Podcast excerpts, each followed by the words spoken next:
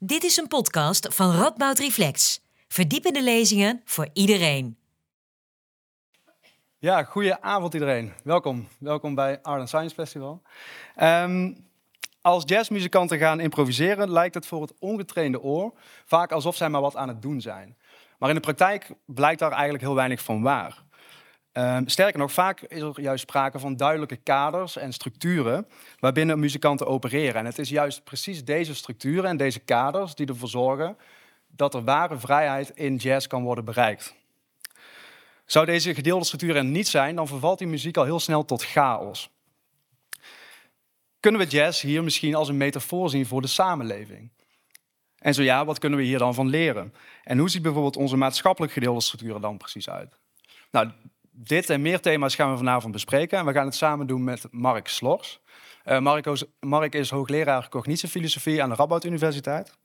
Um, Mark zal een lezing geven en daarna zal ik samen met Mark in gesprek gaan. Samen met uh, basgitarist Teun Kremers en saxofonist Wietse Voermans. Uh, en na dat gesprek gaan zij een optreden verzorgen. Mijn naam is uh, Nor ik ben programmamaker bij Radboud Reflex. En ik heet jullie namens uh, Reflex en onze samenwerkingspartner Brebbel, uh, Jazzpodium Brebbel, heet ik jullie welkom vanavond. Um, jullie zien mij dus zo meteen op het podium weer terug verschijnen voor het gesprek. Maar voordat het zover is, geef ik graag eerst het woord aan Mark Slors. Dank u wel.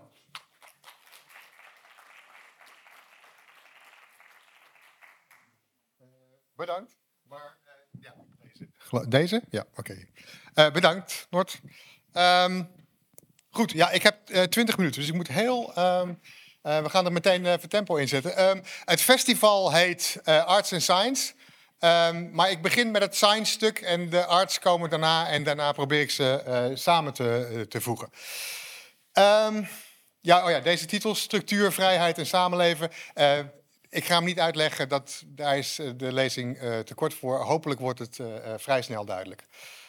Dit plaatje dat, staat symbool voor het vermogen van mensen om samen te leven en samen te werken. in, op een, op een massale schaal. Uh, wij zijn de enige diersoort die op deze uh, schaal en deze, met deze complexiteit kunnen samenwerken en kunnen samenleven. En um, het is interessant om te proberen te begrijpen hoe en waarom wij dat kunnen. Um, gewoon vanuit wetenschappelijk oogpunt is dat interessant. Maatschappelijk is het nog interessanter, omdat als je weet hoe het werkt, je ook weet waar de kwetsbaarheden zitten van een samenleving.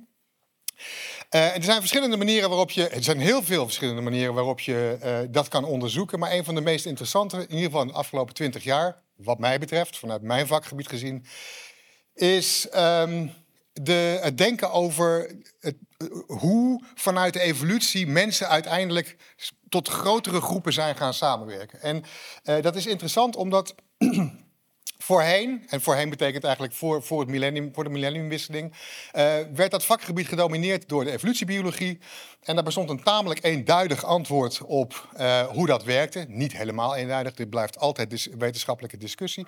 Maar dat is radicaal aan het veranderen en dat komt onder andere doordat uh, het denken over de evolutie van mensen, het denken over de evolutie van cultuur, um, ook beïnvloed wordt en ook mede, hoe zeg ik onderzocht wordt vanuit bijvoorbeeld antropologie archeologie, uh, experimentele economie en ook uh, uh, filosofie. Dus ik ga eerst iets vertellen over die omslag van de afgelopen twintig jaar en dan ga ik, dan ga ik jazz erin fietsen. Um, het idee, het traditionele idee van hoe wij zijn tot, tot samenwerkende apen ge geworden zijn, om het maar zo te zeggen, is ongeveer dit. Op een gegeven moment liepen de apen op twee poten. Um, om een of andere reden, en hier zijn heel veel verschillende theorieën over, die ik, niet, die ik gewoon uh, terzijde schrijf, maar die zijn er wel. Op een gegeven moment zijn die rechtoplopende apen heel slim geworden. En werden ze zo slim dat ze konden gaan samenwerken. En een van de belangrijkste factoren uh, die ervoor zorgden dat die apen konden gaan samenwerken, volgens de, het, traditionele beeld, is het feit dat die apen uh, dezelfde dingen konden denken. Dat ze dezelfde ideeën konden hebben, dezelfde voorstellingen konden maken. En um, ik weet niet of u dit boek kent, mogelijk heeft u uh, dit gelezen, nogal bekend.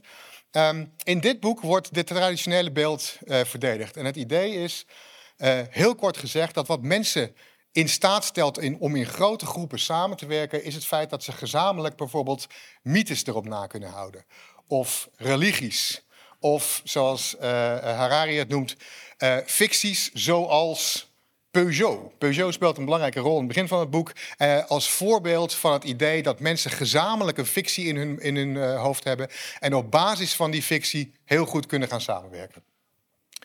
Dat is een interessant beeld en waarschijnlijk klopt het voor een deel. Maar het is ook een gedeeltelijk, gedeeltelijk in ieder geval een, een, een beeld wat, wat op de schop staat. En dat komt, en dan moet ik even heel snel gaan. Dat komt omdat het beeld van die rechtoplopende aap, die eerst slim werd en toen ging samenwerken, is veranderd. En het is ongeveer zo veranderd. Er was een rechtoplopende aap.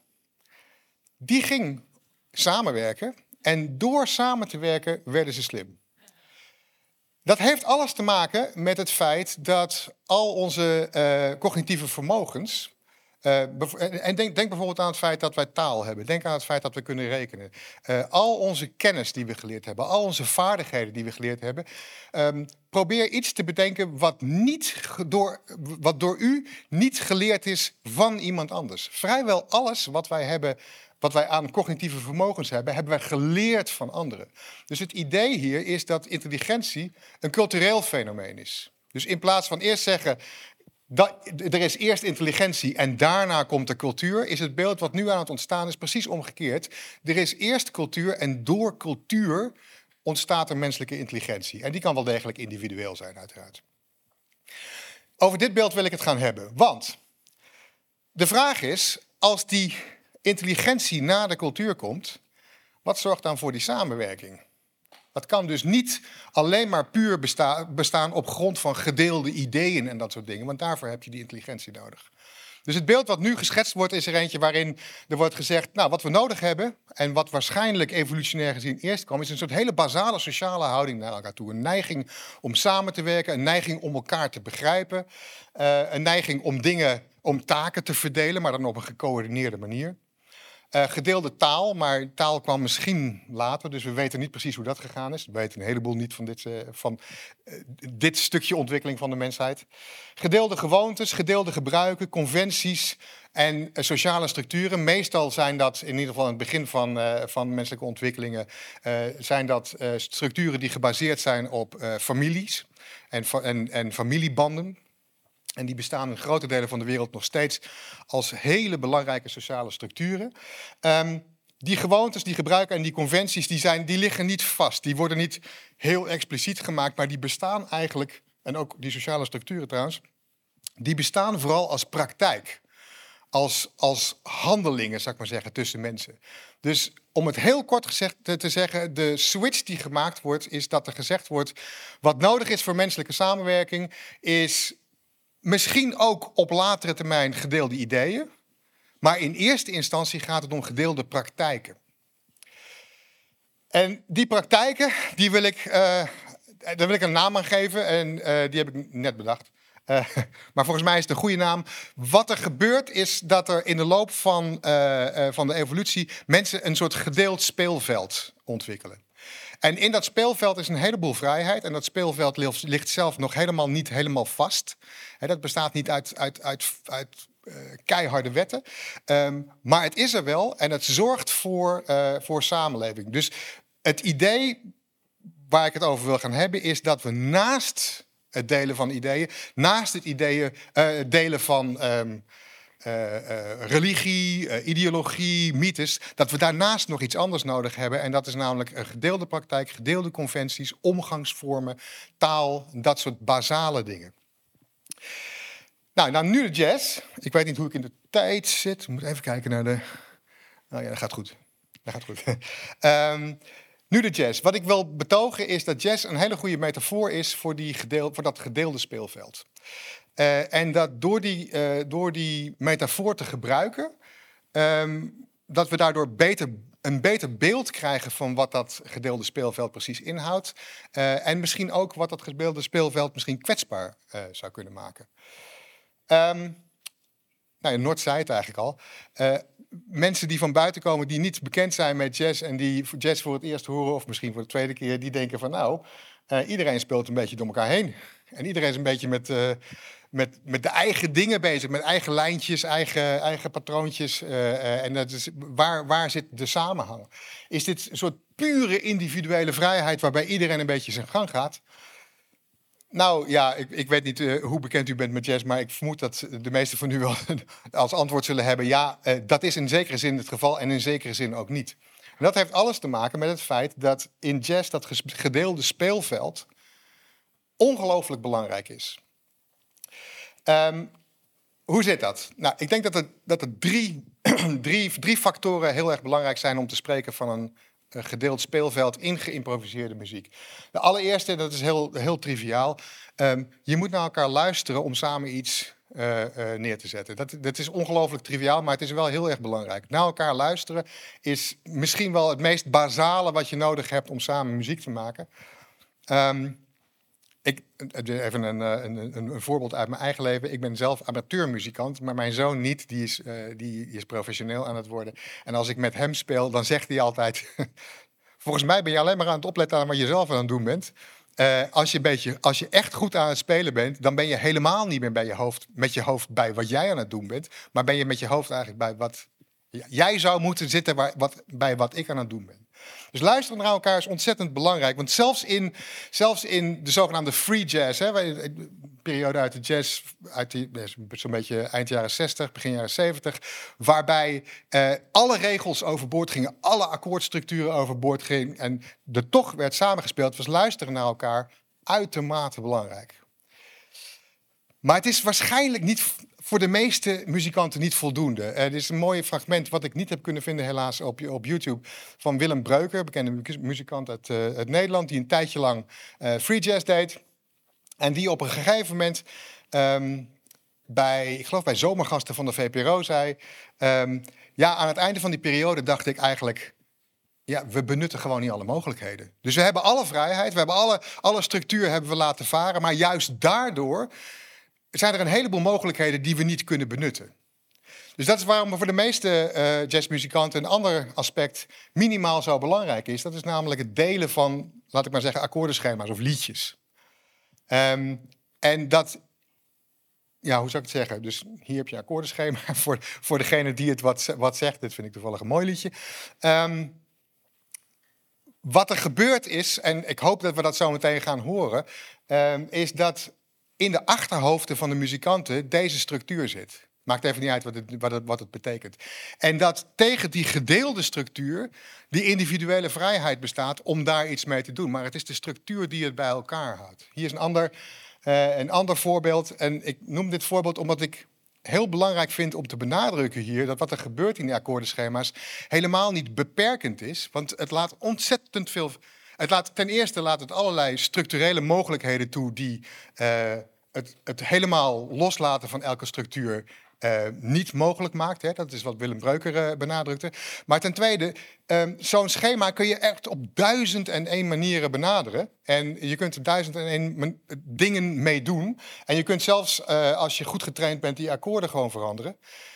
tijdens het spelen. En als je medemuzikanten goed genoeg getraind zijn, dan pikken die dat op en gaan daarin mee.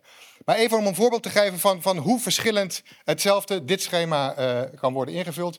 Dit is het origineel. Het komt uit, het is heel vaak bij jazz, eh bij jazztime dat zo, hè, dat ze uit de musicals komen. Dit komt uit The Sound of Music en dan klinkt het zo. Raindrops on roses and whiskers on kittens, bright copper kettles and warm woolen mittens, brown paper packages tied up with strings. These are a few of my favorite things.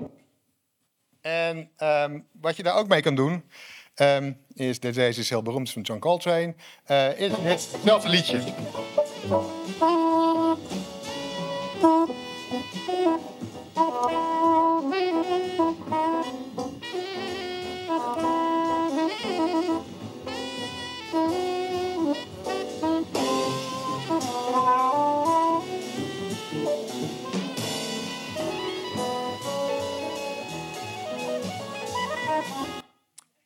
Het houdt er heel abrupt op, sorry. Dat Eh, maar ik vind het wel heel mooi wat hij aan het doen.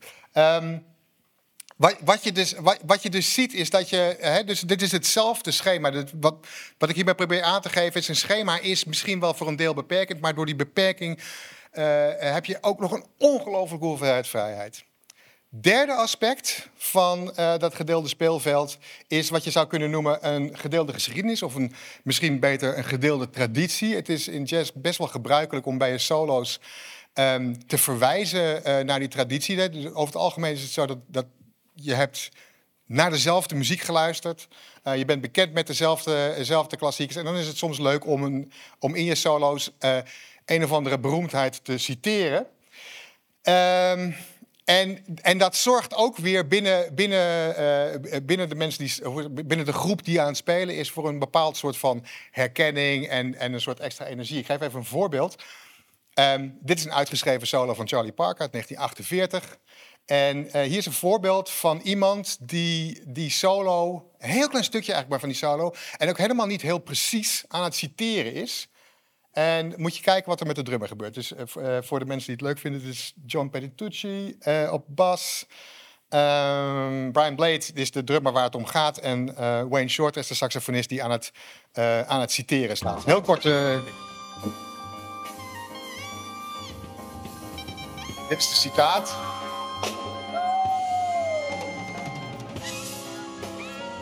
En de reactie, dus je ziet er ook helemaal de, de, interactie. Dus, dus de, de reactie van Brian Blade, de drummer, op dat citaat is dus dat hij helemaal uit, zijn dak gaat. En je ziet dat Wayne Shorter daar ook weer in, uh, in meegaat. Dus dit zijn, dit zijn drie aspecten, en waarschijnlijk niet de, niet de enige drie, maar wel hele belangrijke drie aspecten die zorgen voor uh, dat ondanks het feit dat je improviseert, dat je niks van tevoren hebt afgesproken, um, dat het toch een gedeeld speelveld is. En dat speelveld dat maakt die individuele vrijheid eigenlijk meer mogelijk dan dat het individuele vrijheid uh, beperkt. Goed, um, tot zover de metafoor. Uh, en dan is de vraag, ja, wat kunnen wij ermee? Um, oh. uh, ik denk dat het een goede metafoor is voor, een, voor het ja, een metafoor voor een samenleving die bij elkaar gehouden wordt door wat je zou kunnen noemen een gedeeld speelveld. Wat kunnen we er van die metafoor leren? Ik denk drie dingen. Het eerste is, juist die beperking, juist die structuren, die zijn een voorwaarde voor individuele vrijheid. Dat is denk ik erg belangrijk. Misschien nog wel belangrijker is dat wat ons samenbindt, op dat basale niveau, hè, dus, dus wat ons samenbindt als praktijk en niet als gedeelde ideeën, um, dat dat een vloeibaar geheel is.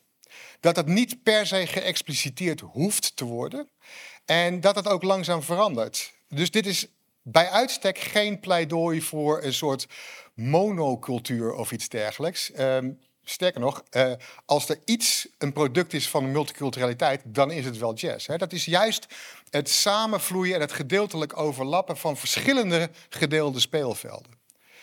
Um, dus dat is denk ik ook heel belangrijk. Het derde is, um, en dat is misschien nou, ook wel net zo belangrijk als, als, als die andere twee, uh, dat gedeelde speelveld is grotendeels impliciet en wanneer we er gebruik van maken, dan is dat grotendeels, niet altijd alleen maar, maar grotendeels onbewust. Dat is belangrijk om te noemen, omdat um, juist omdat, dat, omdat wat ons bindt in een samenleving op het niveau van praktijk, niet op het niveau van gedeelde ideeën, maar op het niveau van het delen van omgangsvormen, het delen van een, taal, uh, het delen van, uh, uh, van conventies. Wat ons bindt op dat niveau, dat wordt, daar, daar wordt heel snel het zicht op ontnomen door heel snel te gaan focussen, zoals Harari doet en zoals heel veel andere mensen doen, op ideeën, um, grote mythes, ideologieën, religies en dat soort dingen. Daardoor, ontneem je eigenlijk het zicht op iets wat veel basaler is en wat misschien net zo goed bindend is. En dat, ik denk dat jazz dat heel goed laat zien. Um, die implicietheid en die onbewustheid maken het ook kwetsbaar. Uh, gewoon omdat we niet zien dat het misschien wel meer om die praktijk gaat dan om het delen van ideeën. Um, dat is wat ik denk dat jazz ons laat zien. En dat is de metafoor die ik u voor wilde houden.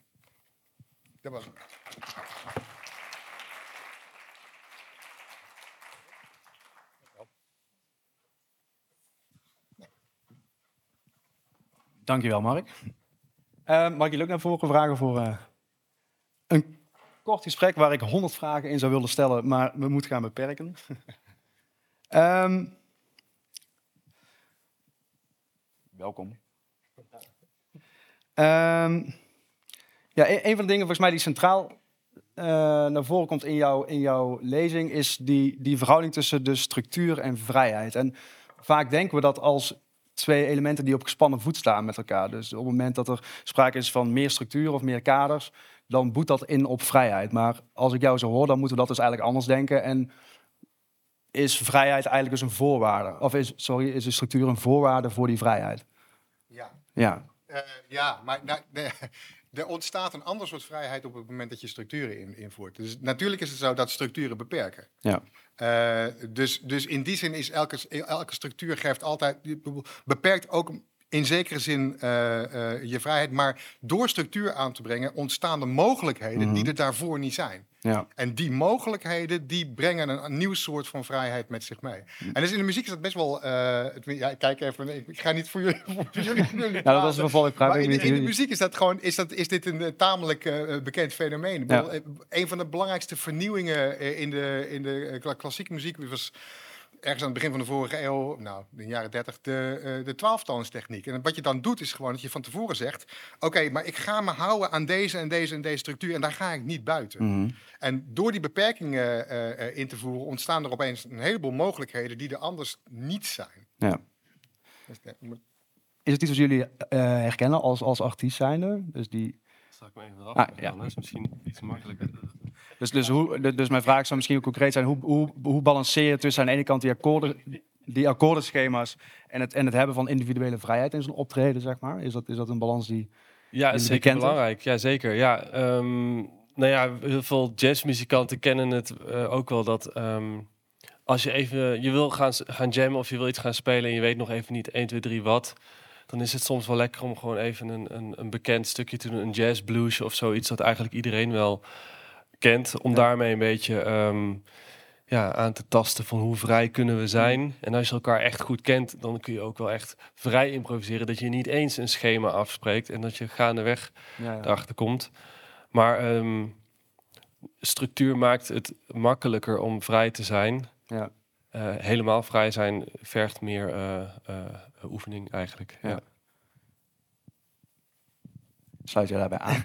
Ja, nee, daar, daar sluit ik me ook Ja. bij aan. En ik denk ook wel, eh, wat je op een gegeven moment zag, ehm, is dat, dat de, in het begin van de jazz werden eh, akkoorden vrij eh, en schema's vrij letterlijk gespeeld. En eerst ook in een vrij simpele vorm. En ik denk, ehm, binnen die kaders zijn mensen steeds meer gaan zoeken om wel in, in de vorm te blijven, maar er steeds verder uit te breken. Waardoor Mm. je op een gegeven moment eh, muzikanten had die een soort van hele, wat je ook inderdaad al vertelde, een andere tonaliteit en hele andere lijnen over een bestaande eh, vorm speelden. En zorgde wel, eh, en dan is de kunst om, om te zorgen dat je wel weer op, de, op een juiste plek Ja. uitkomt. Maar je, je kan daar, zolang je een goede, een, een- de richting klopt, dan kan je heel veel maken als je maar weer goed landt, zeg maar. Dus Ja. dat, ja.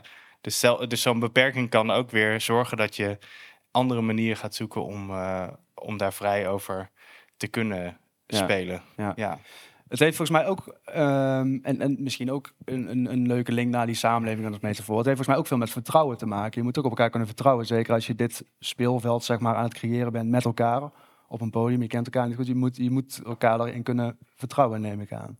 Ja, ja, en dat is dan ook dat, eh, dat luisteren inderdaad. En, en ehm, elkaar de ruimte gunnen. En, eh, ehm, ja, en inderdaad op elkaar vertrouwen dat, ehm, dat, dat je dezelfde kant op gaat. En, en soms kun je ook, althans wat, eh, de, eh, eh, met een groep waar je veel mee speelt, kunnen er dingen misgaan. Maar dat kan zelfs tot iets nieuws, dan kan er iets nieuws ontstaan. En, eh, ehm, maar de, meestal krijg je het wel voor elkaar als er iets misgaat dat niemand dat hoort. Dus dan heb je zo ben je op elkaar ingespeeld en dan weet je dat direct in Ja. een milliseconde op te lossen. Ja. Dat, Ja. ja. Ja, zeker. Ehm, vertrouwen is super belangrijk. Als je vertrouwt in de mensen om je heen, dan kun je tot veel vrijere dingen komen. Kun je Ja. echt die ideeën die je in je hoofd hebt eh, ruimte geven. Mm. Want soms voel je je door bijvoorbeeld zenuwen wel eens geblokkeerd of zoiets. Ja. Dus vertrouwen laat die zenuwen minder worden. Ja. Ehm, ik zelf vind het altijd een grappige situatie. Je hebt bijvoorbeeld in muziek heb je in elk genre wel jam sessies. En op een jam sessie kom je samen met muzikanten die je vaak nog niet kent. En eh, ik vond het wel grappig toen je het net over structuur had. Jam sessie lijkt in de jazz ontzettend vrij.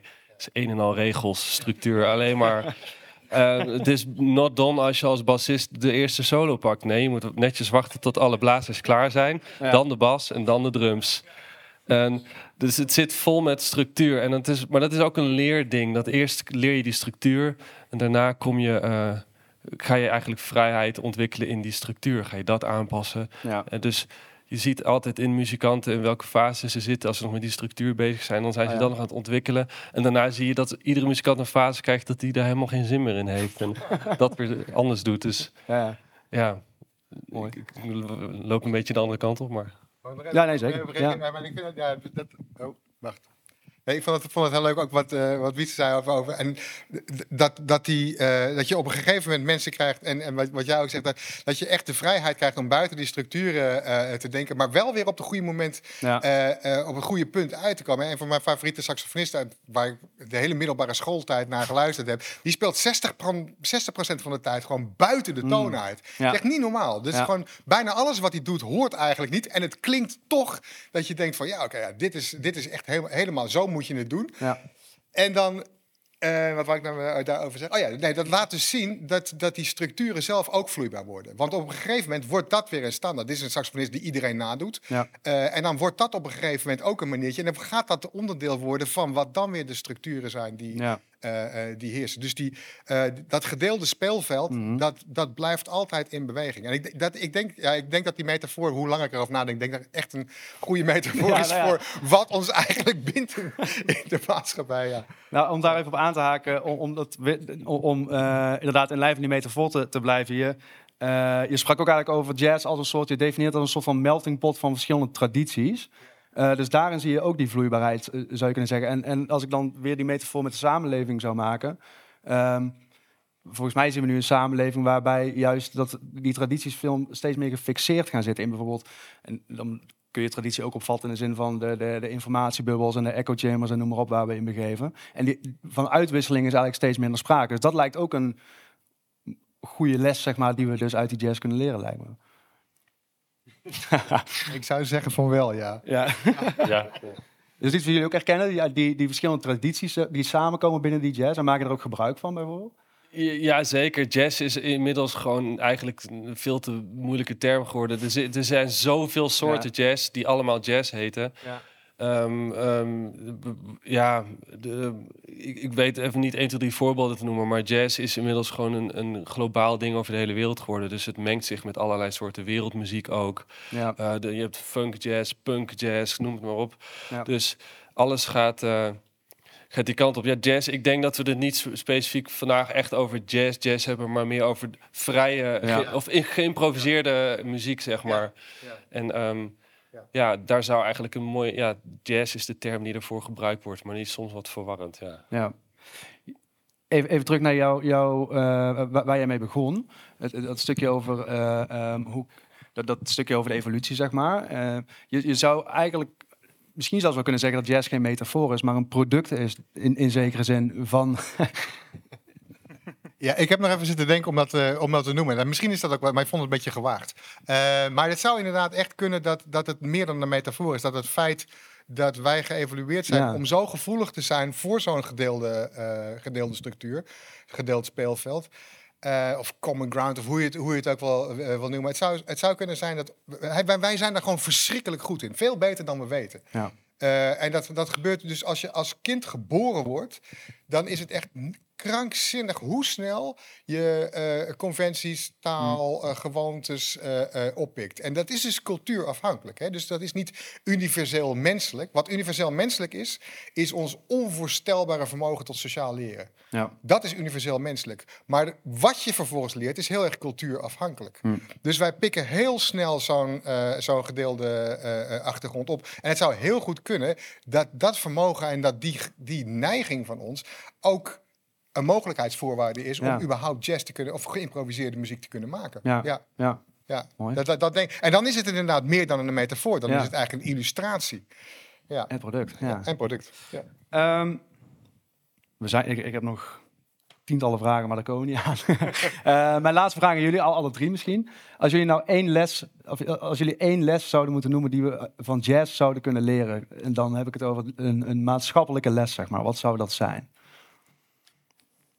Een beetje een moeilijke, moeilijke vraag Moet ik misschien. nog even over nadenken? Nou, het eerste wat bij mij naar, boven, naar binnen komt, we hebben het over structuren. En mijn les is doorbreek die structuren. Dat is voor mij altijd het ding. ehm, middelbare school was ik iemand die altijd wel eh, met docenten in de clinch lag, maar dan toch mijn, mijn cijfers haalde. Toen Ja. ging ik weg van de middelbare school en toen miste ik eigenlijk het gevoel dat je toch een beetje kon lopen klieren zo. Ja, ja, ja, ja. En dat is voor mij jazz, dat is klieren. Ja, dus een structuur, iedereen accepteert hem. En dan ben ik misschien wel de eerste die denkt, en nu gaan we het anders doen.